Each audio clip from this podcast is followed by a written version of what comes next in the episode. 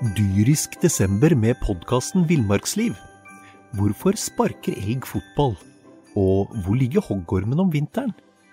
Og hva er grunnen til at bjørnebinna har seg med alle hannbjørnene i området? Svarene på dette og mye mer får du i podkasten Villmarkslivs julekalender Dyrisk desember, der du hører på podkast.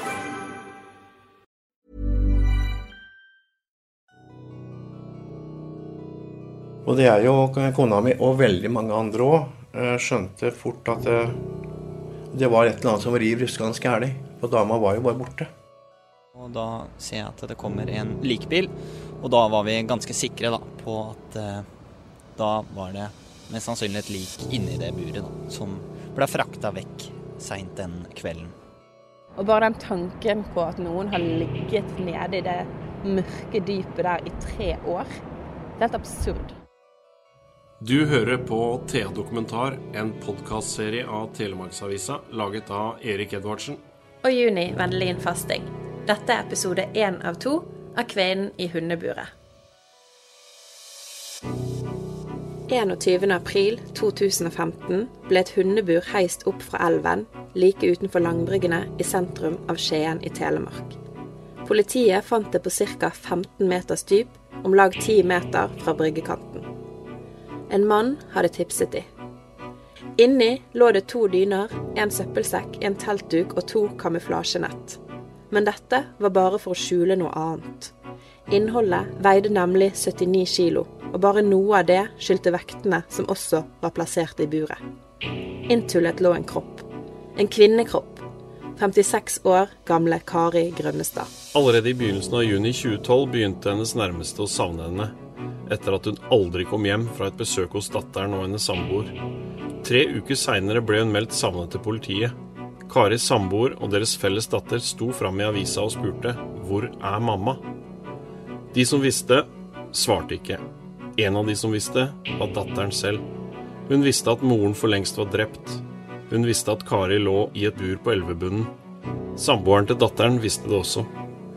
Trolig er de de eneste som vet hva som faktisk skjedde hjemme hos dem mandag 4.6.2012 og de påfølgende dagene, før Kari ble senket i et hundebur i elva. Det var datterens samboer som kontaktet politiet. Han ville fortelle hvor de kunne finne Kari, men han innrømmet ikke drapet. Det gjorde ikke Karis datter heller. De to skyldte på hverandre, og ingen er dømt for selve drapet. Som på mange måter var eh, Hun var blid og hyggelig. Det, jeg, jeg kan ikke huske at hun har vært oppi noe, eh, noe trøbbel og ikke svært lite munnhoggeri og, og, og noe som, som het i, i, i, det hele tatt. Eh, Kari lånte noen, noen hundrelapper sånn i ny og ne av meg. Betalte alltid. Var aldri noe problem. Behøvde ikke spørre etter det engang. Eh, på, på, på, sånn. Og fløy liksom ikke og, og rølpa rundt i byen på til alle døgnets tider og, og, satt og hang her og, eh, her og der eller. Vi tusla egentlig sånn stille og rolig. Hadde vel mer enn nok med, med seg og sitt og, og gubben, og hadde det egentlig bra. Mannen du hørte snakke nå, er Idar Jøntvedt. Han kjente både Kari Grønnestad og samboeren hennes. Vi skal høre mer fra Idar seinere. Men først skal vi ta dere med på en reise gjennom Kari Grønnestad-saken. Kvinnen i hundeburet.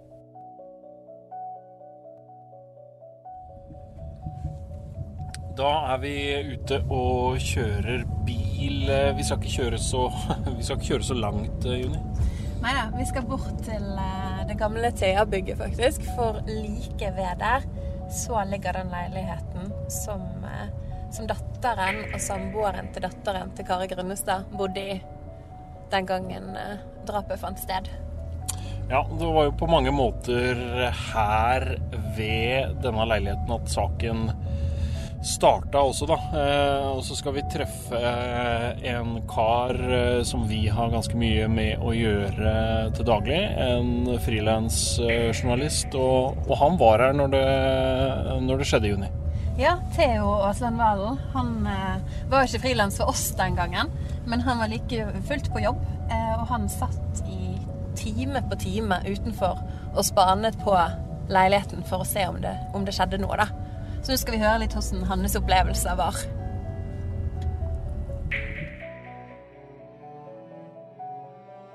Da har vi stoppet bilen og gått ut her utenfor det gamle Thea-bygget som ligger i Skien sentrum, mot Bakken og Jæl-området. Her var det en dag i april 2015 eh, at journalister og fotografer plutselig oppdaget at noe var i ferd med å skje rett over gaten, like nedenfor bygget, som vi da står og ser ned på nå. Kollegaene strømmet til vinduene da de så at mennesker i hvite frakker tok seg inn i en leilighet.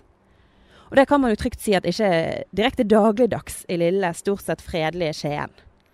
Og på det tidspunktet så var det jo ingen som ante hvorfor Kripos plutselig sto på døren i nabobygget. Og en av de som sto her eh, og klødde seg i hodet og var nysgjerrig og, og tittet ut, det var jo deg, eh, Erik. Ja, det var litt spesielt, for det vi, eh, kontorene som du sier på Thea peker jo rett ned, så det var jo en som satt inne på kontoret og så at jøss, uh, her kommer det fullt oppdressede folk fra Kripos og skal inn i en leilighet. Da gikk jo alarmen ganske fort, så vi, vi oppretta vel på en måte nesten et sånt fotoskift fra det ene kontorvinduet. Så satt vi der uh, ja, en time hver og tok bilder av det som skjedde. og og video og sånt også. Og så så vi jo at Theo var her også, selvfølgelig. Ja, for du Theo, du satt jo ikke inne i Thea-huset, men hvor var det du slo deg ned? Jeg eh, satt på gata på utsida av Thea-huset. Jeg jobba ikke for Thea da, så her ute så var jeg i mange timer og fulgte med på kriminalteknikerne. Eh, jeg skulle jo ha de beste bildene, så det gjaldt å sitte her lenge da og følge med på hva som skjedde i leiligheten. Hvordan var det å sitte sånn og vente? Visste du hva som foregikk i leiligheten på det tidspunktet? Eh, nei, jeg, man visste vel ikke alt eh, da. Eh, det eneste vi visste, var at de, politiet hadde starta en etterforskning da, inne i den leiligheten. Mm, det er jo ofte sånn når vi får eh, Eller flumper rett oppi noe sjøl, sånn som vi gjorde her, eh, uten at vi har hørt noe fra politiet eller vet noe om hva det eh, dreier seg om, så handler det jo veldig mye om å bare sette i gang og fotografere og sikre seg, sikre seg det. Og så er det jo parallelt da folk i redaksjonen som hiver seg på telefonen til politiet for å prøve å finne ut hva, hva er det som, som skjer her. For når dette skjedde, så var det faktisk eh, ingen, verken hos Vårs eh, eller hos konkurrenten Varden, tror jeg, som, som ante hvorfor Kripos faktisk var i den leiligheten. Nei, for jeg husker jeg har gått tilbake i en arkiv og sett, og der, i, i, startfasen der så skrev jo Thea i hvert fall en sak om at det hadde vært mye bråk der i løpet av helgen, og det hadde vært noe Jeg tror det var slåssing på utsiden og sånn, så det var kanskje nærliggende å tro at det hadde med det å gjøre i begynnelsen. Ja, det blir, jo, det blir, jo, ofte sånn at man ser til de politimeldingene man har hatt eh, den siste tida, om det er et eller annet som kan relatere til, til det. Så det var jo naturlig å, å, sjekke den veien først. Men så skulle det jo vise seg at det var jo, det var noe helt eh, annet enn eh, slåssing eller noen, eh, noen voldsscener som som det dreide seg om her. Ja, for det tok ikke så lang tid før politiet sa at dette handlet om et drap, og at en dame og en mann, begge to i 30-årene, eh, var siktet. Men de kunne ikke si noe om relasjonen til vedkommende, og det var heller ikke på dette tidspunktet kjent at det var Kari Grønnestad det var snakk om. Da har vi vært eh, utafor leiligheten og, og, sett der. Og det vi eh, snakker om der, det var jo det som skjedde i 2015. Når Kripos og politiet satte i gang undersøkelser i i leiligheten. Men saken og historien starter jo tre år eh, før eh, denne kriminaltekniske undersøkelsen ble, ble gjennomført. Det var 4.6.2012 at Kari Grønnestad var på besøk hos datteren sin og hennes samboer.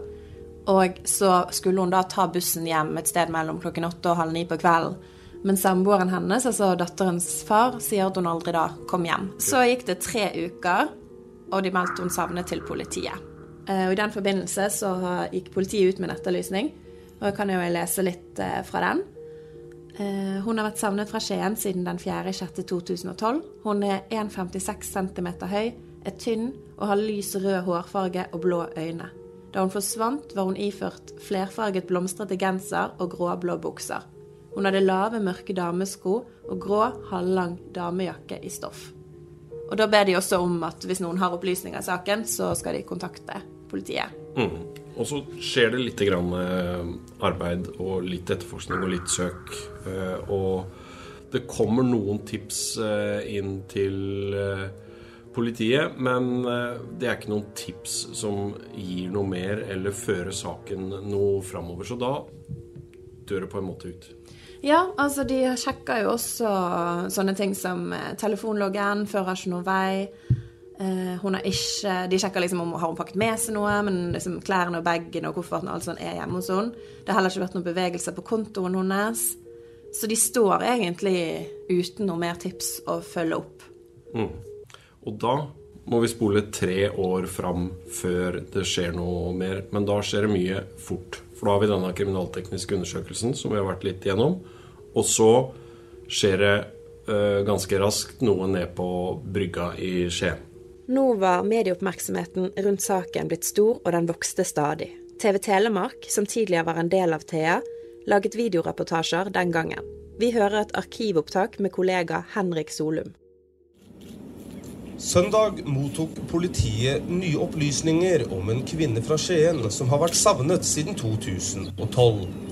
Med bakgrunn i dette er en kvinne i 30-årene siktet for drap, og en mann i 30-årene er siktet for medvirkning til legemsbeskadigelse og for å motarbeide etterforskningen. Begge to er fra Skien. Politiet har startet omfattende taktisk og teknisk etterforskning for å kontrollere informasjonen som nå har kommet frem. Kripos bistår Telemarkspolitiet i denne etterforskningen. Den savnede kvinnen har verken kommet til rette eller blitt funnet død. Politiet vil med bakgrunn i de nye opplysningene sette i gang søk etter kvinnen, opplyser politiadvokat Guro Siljan. Det er foreløpig mye som er uklart i saken, og politiet finner det nødvendig å være tilbakeholden med opplysninger for å redusere risikoen for påvirkning av vitner eller andre involverte. Da vi flytta oss ned til eh, elva eh, i Skien, inne ved Langbryggen. Her er det en stor, stor eh, parkeringsplass. Når vi er her nå, så midt på dagen, så er det masse biler parkert her. Men på, på nattestid så pleier det å være en eh, helt annen situasjon. Da er det helt tomt for biler her. Og en litt sånn stille og øde plass, egentlig. Der det er mange som på en måte kan følge med på det som skjer. Ja, Det er jo ganske nærmt sentrum, vil jeg si, men likevel så er det på en måte sånn avsides eh, parkeringsplass langs med elven, sånn for de som ikke er kjent her. Og det er jo da sånn at Kari Grønnestad ble fraktet ned her til elven etter at hun hadde mistet livet. Og om det da var datteren eller samboeren til datteren som gjorde det, det er jo ikke klart. Men noen har i hvert fall fraktet hun ned hit. Definitivt uh, har noen uh, gjort det. Og så blei det jo et ganske fort da, et sted som politiet og nødetater satte i gang uh, et ganske storstilt søk. Det blei satt opp et stort apparat her nede med, med mange ressurser som, som deltok i, i arbeidet i juni. Ja, først så begynte de jo da med å leite liksom typ 50 meter fra kaien oppover og nedover. Og det ble søkt med lettbåt og undervannssonar. Eh, som da gir liksom et bilde av ting som stikker opp fra bunnen. Også for at den sonaren skulle få best mulige bilder, så stengte de også Damfoss, da. Eh, som ligger rett her, eh, for at det skulle være minst mulig strømføring i elven. For hvis det er mye strøm, da, så blir det luftbobler i vannet som gir dårligere bilder. Og så var det sånn at dersom de fant noe interessant, så ville de kontakte dykkere. Og det gjorde de jo ikke så veldig lenge etter at dette søket var satt i gang.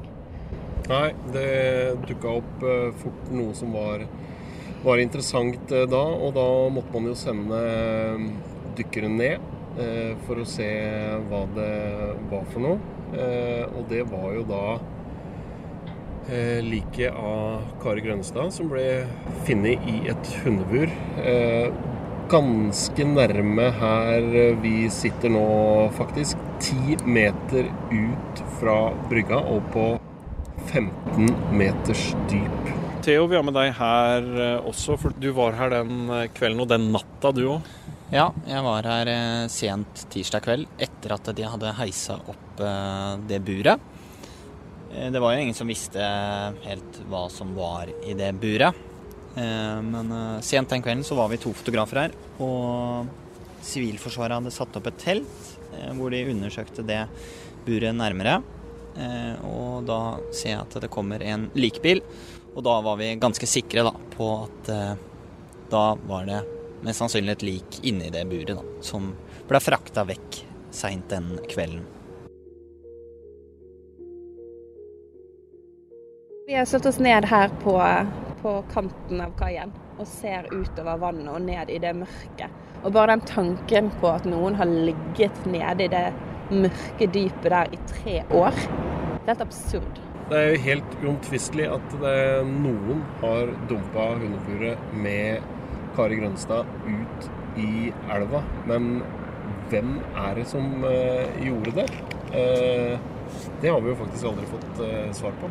Nei, nå har jo vi gått igjennom dommen både mot datteren til Kari og mot samboeren hennes. Og er, de er liksom påfallende like, de to. Det eneste som er, er forskjell omtrent, er jo at de har byttet ut hovedpersonen her med, med, den andre. Sånn at hun sier at det var han som drepte og dumpet liket, og han sier motsatt. Mm. Så, så, det er veldig det er veldig vanskelig da å vite hva som egentlig har skjedd. Men at en av de har gjort det, og at Kari Grønstad er drept, det er et fakta. Men vi kan jo la de som hører på, få høre akkurat sånn som det blir forklart eh, for eh, retten. Eh, for det vet vi jo. Og vi lar Tor Øystein Eriksen lese de forklaringene som har kommet der. Så begynner vi med samboerens forklaring. Tiltalte var klar over at Kari Grønnestad var drept. Han mente det var han, etter anmodning fra samboeren, som fant frem flere av gjenstandene som de fellesskapet nyttet til å pakke inn liket. Han har også forklart at han var med på å plassere lik i et hundebur etter at kroppen var pakket inn. Det fremgår av fotografier av liket at det måtte legges i fosterstilling for å få plass i buret. Innpakningen og bruken av buret hadde som formål å skjule liket når det senere ville bli båret ut av huset. Deretter bar samboeren og han først buret med liket opp en etasje der de bodde. Dette skjedde tidlig om morgenen den 4. juni 2012. Den påfølgende natten bar samboeren og tiltalte buret ned og ut av huset. Tiltalte Dyrisk desember med podkasten Villmarksliv. Hvorfor sparker elg fotball? Og hvor ligger hoggormen om vinteren? Og hva er grunnen til at bjørnebinna har seg med alle hannbjørnene i området? Svarene på dette og mye mer får du i podkasten Villmarkslivs julekalender dyrisk desember, der du hører på podkast. Var forut for dette klar over at samboeren ville dumpe hundeburet med liket etter moren i sjøen uten at han visste hvor. De plasserte buret med liket i deres stasjonsvogn. I buret var det nå også lagt gjenstander som skulle hindre buret med avdøde i å flyte opp etter at det var kastet i vannet. Samboeren kjørte så fra stedet. Etter noe tid kom hun tilbake og fortalte at hun hadde kastet hundeburet med moren i vannet ved Langbryggene i Skien. Ja, Det var jo da litt om eh, samboeren til datteren, eh, hva han har forklart. Så la oss høre hva, hva hun sa den gangen. Samboeren hentet en dyne og la over avdøde, og deretter gikk de begge ut fra badet. Sønnen deres på fire år var i stua da dette skjedde. Tiltalte forklarer at hun tok vare på ham og prøvde å skjerme ham. Etter at sønnen hadde lagt seg for kvelden noen timer seinere, pakket tiltalte og samboeren avdøde inn i to dyner.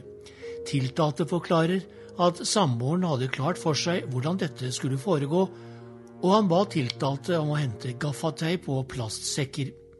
De brukte så dette til å pakke inn avdøde. Tiltalte forklarer at hun gjorde som samboeren sa, uten at hun vet hvorfor. Hun oppgir at hun var i sjokk. Tiltalte husker at hun på et tidspunkt satte seg i stua og ikke ville ta mer del i dette. Samboeren kom da og hentet henne ettersom han ikke klarte alt alene. Sammen la de så avdøde ned i et hundebur. Avdøde ble lagt i fosterstilling i buret. Tiltalte forklarer at buret var for at andre ikke skulle kunne se hva som senere ble båret ut av huset. Buret måtte klippes opp med avbitertang og ble lukket igjen med tau og strips. Når alt dette var gjort, begynte det å bli morgen, og sønnen kunne våkne. Tiltalte forklarer at buret derfor ble båret opp i andre etasje. Hun oppgir at man måtte være to for å bære buret med avdøde i. Hun forklarer at det var hun og samboeren som bar buret opp. Buret med avdøde i sto der til neste natt. Da bar de buret ut i bilen, før de begge gikk inn igjen. Tiltalte oppgir at dette var en stasjonsvogn med god plass. Deretter kjørte samboeren hennes alene av gårde med buret. Tiltalte forklarer at hun ble igjen og passet på sønnen og la seg på sofaen og prøvde å få litt søvn. Hun var våken da samboeren kom tilbake uten buret. Det ble ikke noe snakk om avdøde idet han kom tilbake, men etter hvert sa samboeren at han hadde lagt avdøde i Skienselva. Eh, I rettssaken så forklarte jo da datteren til Kari seg ut ifra et tidspunkt der moren lå død på badegulvet og videre fremover. Og da forklarte hun at eh, samboeren, eh, daværende samboer, først ba hun om å hjelpe til med å få Kari opp i badekaret, hvor de vasket vekk blod. Og så etterpå så sier hun datteren at hun hjalp samboeren med å pakke inn liket i disse tingene som bl.a. var soveposer, da, før de la kroppen i et hundebur. Men datteren har ikke noe svar på hvorfor hun hjalp samboeren med dette. Nei, det øh, svarer bare enkelt at øh, jeg vet ikke hvorfor jeg øh, gjorde det. Det ble bare sånn. Så får hun også spørsmål eh, i rettssaken fra politiadvokat eh, Kjell Ove Josok om eh, hvorfor hun ikke meldte fra til noen om det som hadde skjedd. Og da er svaret der at hun rett og slett ikke turte å gjøre det. Samboeren var den nærmeste personen for meg.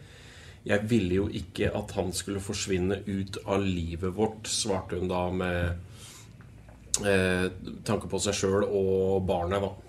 Ja, for de hadde jo et fire år gammelt barn som var, skal ha vært til stede hele tiden i leiligheten. Og så har hun videre også da fortalt hun også at eh, denne samboeren skal ha truet henne med drap dersom hun ikke tok på seg skylden for alt som hadde skjedd. Mm. Eh, og så blir det jo også et spørsmål eh, til eh, datteren til Kari Grønstad da, om eh, hvorfor hun tror det var samboeren som meldte fra til politiet. Hvorfor han gjorde det. Eh, og svaret da er at eh, det er fordi hun holdt på å gå fra han på det tidspunktet her sånn. Og da blir det oppfølgingsspørsmål om fra forsvarer, da, Ellen Holager Andenes, om hun da tror at han ville komme i forkjøpet. Og det svarer hun bekreftende på ja at det var bakgrunnen for at han kontakta politiet. Det var jo også naturlig i rettssaken å stille datteren spørsmål om hvilken, eh, hvilket forhold hun og moren hadde. For det kan man jo tenke at kanskje om det ligger noe motiv der, eller sånn. Men da sa hun at eh, jeg vil ikke kalle det et normalt forhold, for jeg hadde en veldig spesiell oppvekst. Vi var mer som venner, men hadde ikke noe dårlig forhold. Hun var ofte på besøk, og vi hadde ikke hatt noen krangler, sa da datteren i retten. Samboeren til datteren sa i sin rettssak at han så sin samboer slå sin egen mor gjentatte ganger i hodet med en hammer. Og så sier han at han fikk fullstendig sjokk, og at én ting er å se det på film, men at dette her, som han sier, var helt for jævlig. Mm, han forklarer at han uh, satt ved PC-en når han plutselig hører at det er eh, rabalder inne på, på badet. Eh, for det blir stille, eh, og så er døra lost. Eh, og så tar han, reiser seg opp og går mot badet. Og da hevder han at ekssamboeren hans da roper 'få guttungen vekk herfra', som da er barnet deres, selvfølgelig. Og når han ser inn gjennom baderomsdøra, så ser han eh, ekssamboeren da løfte kniven og stikke mora si flere ganger. Eh, og forklarer da at han får fullstendig sjokk av det han, eh, han ser. Mm. Men likevel så kontakter han jo ikke politiet. Og det forklarer han med at han var redd for å bli medskyldig. Jeg var redd for å miste sønnen min. Og så sier han videre at da eh, altså ekssamboeren kom ut igjen, så er hun full av blod. Hun tar tak i hendene mine og sier at jeg skal ordne opp i dette. Hun spurte om jeg kunne hente noen ting som hun kunne pakke liket inn i. Og så hjalp han hun også, det innrømmer han jo. Han hjalp eh, samboeren da med å eh, støtte liket når det ble lagt inn i dette hundeburet. Og så sammen så skal de ha båret det opp i andre etasje. Mm. Så påstår han det da at han ikke er en del av selve drapshendelsen. At han prøver å skjerme sønnen sin. Eh, og legger også til at han syns det var eh, sjokkerende å se hvor kald og beregnende ekssamboeren eh, var. Og så sier han også, for det er jo spørsmål om Men han kunne jo meldt fra tidligere, selv om han kanskje ikke gjorde det den gangen. Så har det jo gått tre år. Men da sier han at denne ekssamboeren da var hans livs kjærlighet, og at han hadde en familie som han var redd, livredd for å miste. Men han har aldri fått noe svar av hun da på hvorfor hun gjorde det, sier han da. Eller han sa det i rettssaken. Men selv om han da innrømmer å ha vært med å hjelpe til å pakke hun inn i bur og sånn, så nekter hun han straffskyld i rettssaken. Mm. Og han legger jo eh, Sier jo da at den mentale tilstanden hans har vært eh, veldig dårlig eh, etter at han har sett at ekssamboeren har drept mora si inne i, i leiligheten deres. Og han sier da at uh, jeg var ikke til stede. Eh, og samtidig så holdt eh, ekssamboeren kniven mot sin egen hals og trua med å ta livet av seg. Eh, hun var min livs kjærlighet, og vi var forlovet. Hadde vært sammen i ti år. Jeg var livredd for å miste alt. Han var i en sjokktilstand, da, forklarer han om seg sjøl. Mm, og fokuset hans var rett og slett å holde sønnen unna, denne fire år gamle sønnen. Og Han forklarer videre også at samboeren eller ekssamboeren hadde en kjøttøks på kjøkkenet som hun skal ha sagt at hun planla å partere liket av sin egen mor med. Men da hadde han sagt, ifølge seg sjøl, eh, 'Herregud, nå må du skjerpe deg. Dette er ikke en episode av CSI eller Dexter.' Og da skal hun ha gått bort ifra å partere liket, ifølge han. Og så er han lite grann eh, bitter på hvordan han har blitt behandla av eh, politiet her også, i og med at det var han eh, som meldte fra om dette drapet til politiet. Eh, og han sier rett ut at han føler seg rett og slett å ha blitt eh, straffa for at han kom til politiet, og at det var han som meldte fra om det her. Så syns ikke han det er riktig at han skal bli dratt inn i en, i en straffesak også. Nei, han ble jo satt i varetekt eh, som, eh, som ekssamboeren sin, han også. Og det syns han jo var helt urimelig.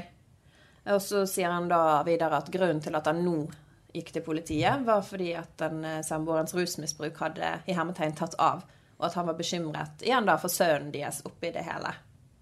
Og da tenkte han at eh, nå må han bare velge å stå frem med hele hendelsen.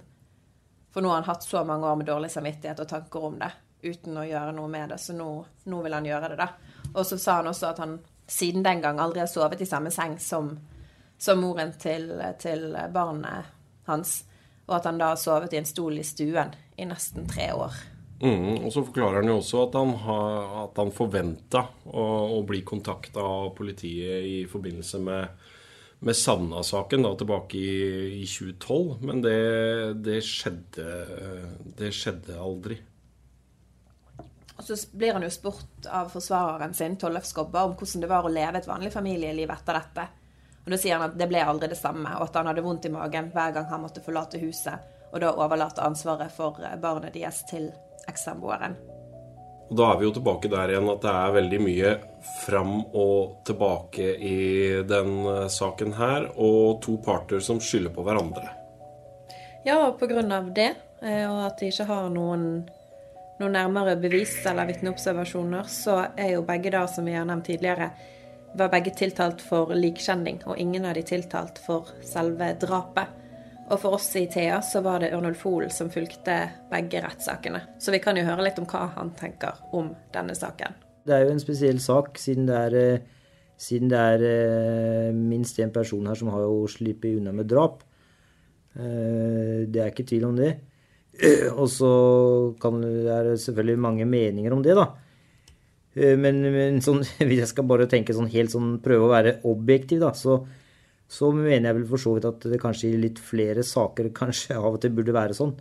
For det er klart at det her har i hvert fall fulgt rettsprinsippet, da. At, hva er det de sier? At det er bedre å la ja, ni, ni skyldige gå fri enn å ta en uskyldig. Og det er jo for så vidt iallfall fulgt denne saken her, da. Så det er jo det da Riksadvokaten tydeligvis har landa ned på, da. At det her har ikke god nok bevis til å vite hvem av de to, eller om det eventuelt skulle være begge som har vært med på det her. Eller, og da får på en måte begge slippe. Og det er klart at hadde du tiltalt Ja, i den saken her, altså kunne du selvfølgelig risikert å dømt en uskyldig, for her har du to som peker på hverandre. og, og det er liksom gått, De har hatt tre år på seg til å skjule og gjemme og ødelegge bevis. Så da har du selvfølgelig en uh, vanskelig sak. Tilbake til Idar, han som kjente Kari, som du hørte helt i starten av episoden. De to var en del av det samme miljøet. Ville han fortelle om hvordan Kari ble oppfattet av de rundt henne, og hvordan han reagerte da hun plutselig ble borte. Altså, jeg har jo eh, i veldig mange år vært en del av det rusmiljøet og det kriminelle miljøet som har vært her i byen. I faktisk i 30, 35 år på, på, på den biten. Eh, Kari har vel eh, visst hvem var og vært et godt bekjentskap fra ja, slutten av 70-tallet, begynnelsen av 80-tallet og, og, oppover. Jeg kjente jo godt både hun og, og mann, eh, sånn sett. Eh, eh, den gangen Kari forsvant, så hadde jo vi, jeg og kona mi gifta oss. Vi drev med bruktbutikk oppe i Prinsessegata. Eh, til sånne ting. Kari var jo noen som vi traff stadig ute og gikk tur og, og sånne ting. Eh, og det var jo sånn For min del veldig sånn eh, Hun var aldri den i miljøet, for å si det sånn. altså Hun var jo ikke sånn grodd fast inn i miljøet. Inn i, i, i hardt sånn som jeg var, og, og den, den, biten. Eh, hun var ei snill, god dame som hadde sine problemer. Fikk vel noen piller av legen, kjøpte litt, røyka litt hasj. Men var aldri noe sånt ordentlig ute å kjøre. Var aldri den som eh, rota seg borti trøbbel og bråk. Det var liksom ikke noe grunn til at eh, plutselig noen kunne si at du skyldte mye penger så du forsvant, eller hadde hatt for mye med, stå, med, med, med stoff og folk å gjøre. sånt. Det, det, av, de, av, av, den grunn. Så både jeg og kona mi, og veldig mange andre òg, skjønte fort at det, det, var et eller annet som riv ruskende galt. For dama var jo bare borte. Sånn. Mannen kom jo og spurte overalt om noen hadde sett henne, og ingen hadde sett henne. Hun var ikke den som forsvant. Er uke 14, da er tre uker borte vekk fra, eh, fra miljøet. Og det som var sånn eh, Jeg for min kjente liksom vi, Jeg og kona mi går med hunder, så vi gikk jo ofte runder rundt i byen. Og hver eneste kveld som vi gikk, så var jo hun et samtaleemne. Jeg husker vi gikk under eh, den der undergangen opp Arkaden. Og da, da så jeg forundra meg ikke så at det er noen som har dumpa her, at hun ligger nede i dragsuget her. På, på, på sånt. Et, et, eller annet. Så vi var helt sikre på at det var et eller annet. Noe som hadde skjedd på, på sånn i det, i det, hele tatt. Og det, midt oppi alt dette, dette her, så Vi snakka jo om det, og så blei det borte en stund. Det blei jo ikke gjort noe, så vidt jeg vet, i miljøet og sånne ting som jeg var en del av før da. Jeg har jo kontakter opp igjen, for jeg driver og jobber med dette her nå. Eh, også er at eh, det var ikke mange som var kalt inn til avhør. Så han blei vel kanskje bare forespurt liksom et bilmen om et bilvindu og sånt. Eh, på den, så jeg syns jo egentlig sånn at det der politiarbeidet og den etterforskninga som ble gjort der, var helt bak mål. Det er kanskje lett å være etterpåklok og, og sånne ting. Men en skikkelig sjekk av, av de to leilighetene, så hadde du jo funnet ut. Du har nå hørt episode én av to om kvinnen i hundeburet. Og vi som lager Thea Dokumentar, er Erik Edvardsen. Og Juni Vendelin Fasting. Tor Øystein Eriksen leser fra dommen. Musikken er produsert av Simon Tekeste. Ansvarlig redaktør er Ove Meldingen. Ønsker du å komme i kontakt med oss som lager Thea Dokumentar? Har du tips, innspill eller kommentarer? Du når oss på e-post dokumentar at thea.no. Via sin advokat den gangen, Ellen Holager Andenes, sier datteren til Kari at hun ikke ønsker å la seg intervjue til denne podkasten. Vi har gjort gjentatte forsøk på å komme i kontakt med datterens tidligere samboer, via hans advokat den gangen, Tollef Skobba, men han har ikke besvart våre henvendelser. Vi har også vært i kontakt med politiadvokat Guro Siljan, som jobbet med saken den gangen. Hun ønsker ikke å uttale seg til Thea Dokumentar.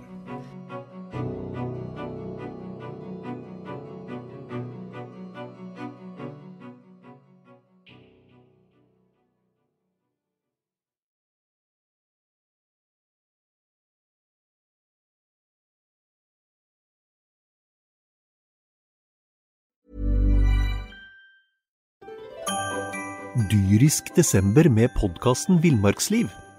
Hvorfor sparker elg fotball? Og hvor ligger hoggormen om vinteren? Og hva er grunnen til at bjørnebinna har seg med alle hannbjørnene i området? Svarene på dette og mye mer får du i podkasten Villmarkslivs julekalender Dyrisk desember, der du hører på podkast. Har du et enkeltpersonforetak eller en liten bedrift? Da er du sikkert lei av å høre meg snakke om hvor enkelt det er med kvitteringer og bilag i fiken, så vi eh, gir oss her, vi. Fordi vi liker enkelt. Fiken superenkelt regnskap.